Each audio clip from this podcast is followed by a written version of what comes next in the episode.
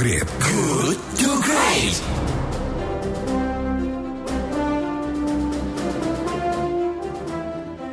Terima kasih Anda masih bersama saya Joel Syafi'i di sesi diskusi Kelight FM dalam Good to Great because good is the enemy of great. Dan kita masih membahas topik pagi ini tentang apa kabar tol laut. Sudahkah terinterkoneksi yang dihasilkan ini mampu menurunkan tingginya biaya logistik di negara kita? Yang sudah saya sampaikan kepada Anda bahwa program tol laut yang digulirkan oleh Presiden Jokowi akhir 2014 ya sejak akhir 2014 di awal periode pertamanya tapi sekarang keberadaannya uh, masih belum maksimal masih uh, belum efektif mengurangi disparitas harga di sejumlah daerah. Nah, sasaran program ini masih sulit tercapai karena interkoneksi belum berjalan efektif. Ya, maka realisasi komitmen pemerintah untuk mengevaluasi dan memenuhi program juga ini dinantikan oleh uh, publik. Sekedar informasi untuk bersama, tol laut merupakan konsep pengangkutan logistik kelautan yang bertujuan untuk menghubungkan pelabuhan-pelabuhan besar yang ada di Nusantara. Nah, kita akan berbicara dengan mendengarkan pemikiran narasumber kita yang ke dua yaitu Bapak Derajat Wibowo. Beliau adalah politisi Partai Amanat Nasional yang juga ekonom. Nah, kita sudah terhubung sepertinya dengan Pak Derajat Wibowo yang akan uh, saya ajak diskusi tentang topik kita untuk pagi ini. Apa kabar tol laut? Sudahkah interkoneksi yang dihasilkan mampu menurunkan tingginya biaya logistik di negara kita?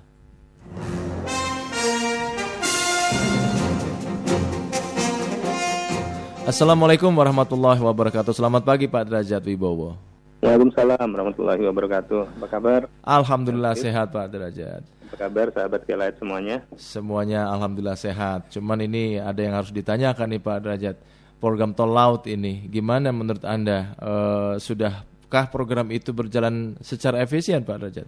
Program tol laut ini e, pelaksanaan dan hasilnya itu memang sesuai harapan sesuai harapan Maksudnya adalah harapan para ekonom sebagian besar para ekonom saat itu hmm. yang menyaksikan uh, tol laut ini akan uh, bisa um, cepat uh, meningkatkan efisiensi, meningkatkan uh, menurunkan biaya logistik dan sebagainya seperti yang sering disampaikan itu karena hmm. uh, kalau uh, para ekonom kan harus melihatnya betul-betul objektif ya, betul-betul sesuai dengan kondisinya Uh, nah, ketika ditambahi uh, bumbu politik, ya saya juga politisi ya, mm-hmm. tapi, uh, tapi basic saya kan ekonom. Ketika yeah. ditambahi bumbu politik, entah itu dengan target politik, entah itu dengan pencitraan, entah itu juga dengan apa namanya katakanlah pembusukan misalkan, mm. uh, itu uh, akhirnya jadi jadi uh, tidak sesuai dengan dengan realitas yang yang dihadapi.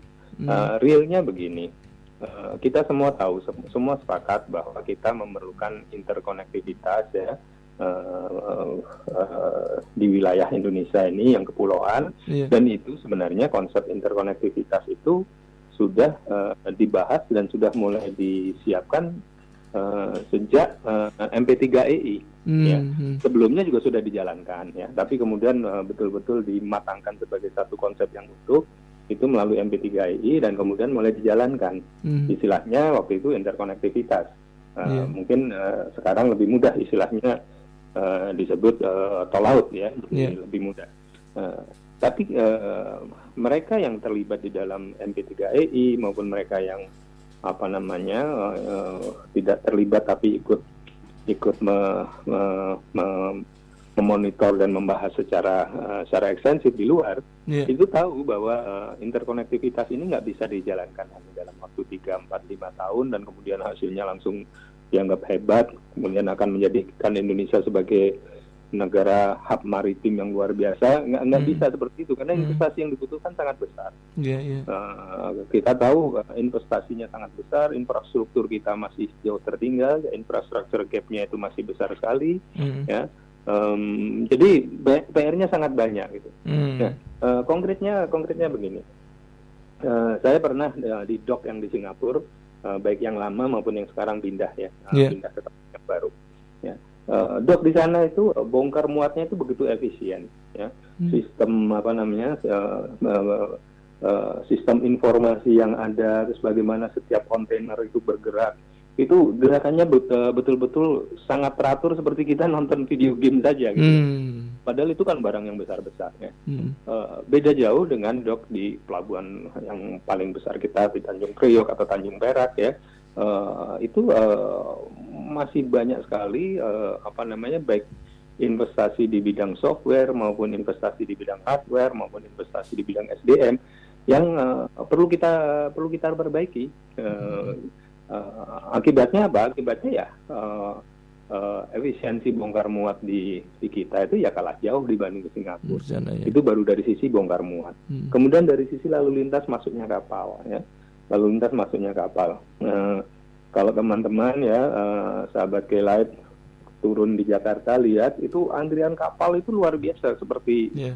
seperti macetnya Jakarta kalau mas mau masuk ke hmm. mana mau masuk ke Tanjung Priok. Hmm. Nah, uh, antriannya itu begitu begitu panjang, jauh lebih panjang dibandingkan kalau uh, di uh, di negara lain seperti Singapura yang tadi saya contohkan gitu. Nah, jadi uh, kalau kapal antrian keluar masuknya saja sudah lama, bongkar muatnya sudah jauh lebih lama.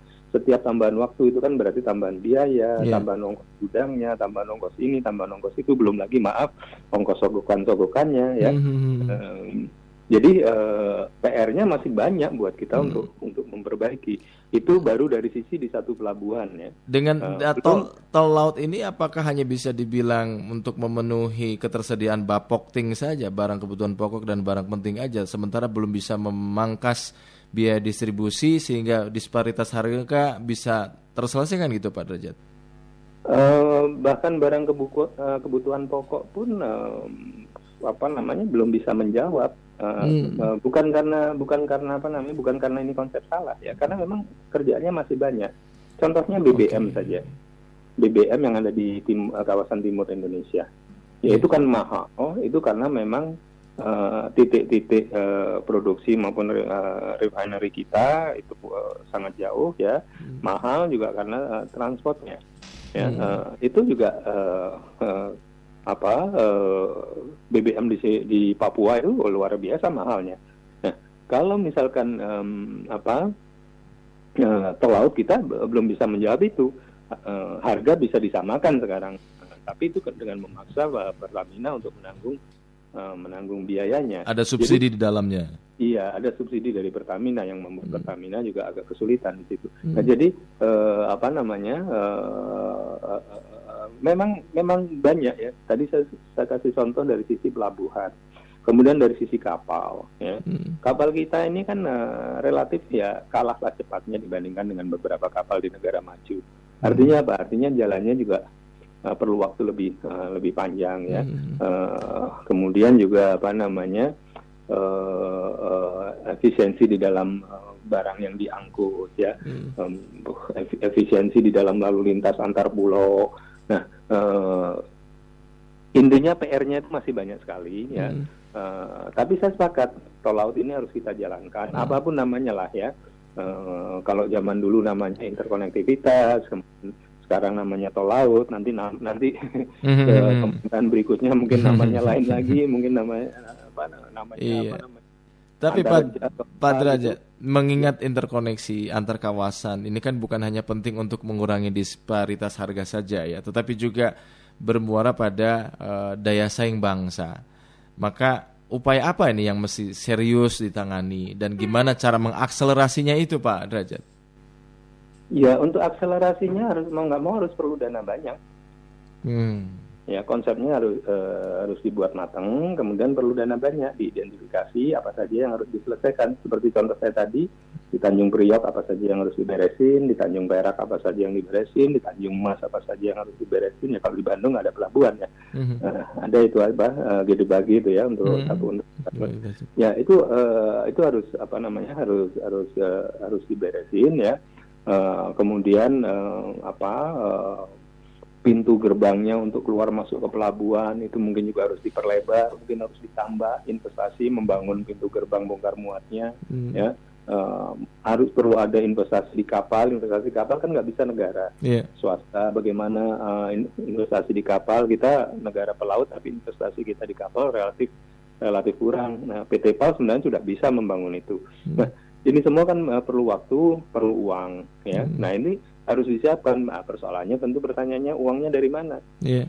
Uh, makanya uh, menjadi banyak pertanyaan ketika banyak program-program di APBN yang kok ambisinya ke sini tapi uangnya dialokasikan ke tempat lain. Nah, hmm. Nah, ini harus harus apa harus uh, ya APBN juga harus lebih di diefisienkan hmm. uh, apalagi hmm. dengan dengan tahun ini uh, kemungkinan pertumbuhan ekonomi kita akan sangat drop. Saya pernah sampaikan di beberapa tempat hmm. itu proyeksi saya dengan berbagai kondisi itu antara 4,3 sampai 4,8 paling bagus kita ini. Hmm. Nah jadi dengan itu artinya kan uh, pajak juga akan relatif sulit dipenuhi. Uh, nah, ya kita harus harus harus realistis lah, harus yeah. realistis ya.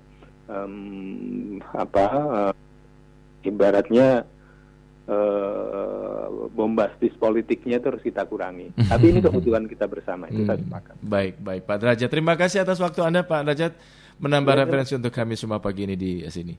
Ya. Terima kasih. Selamat pagi. Assalamualaikum warahmatullahi wabarakatuh. Waalaikumsalam warahmatullahi ya. wabarakatuh. Demikian sahabat kelas derajat Wibowo politisi Partai Amanat Nasional yang juga ekonom.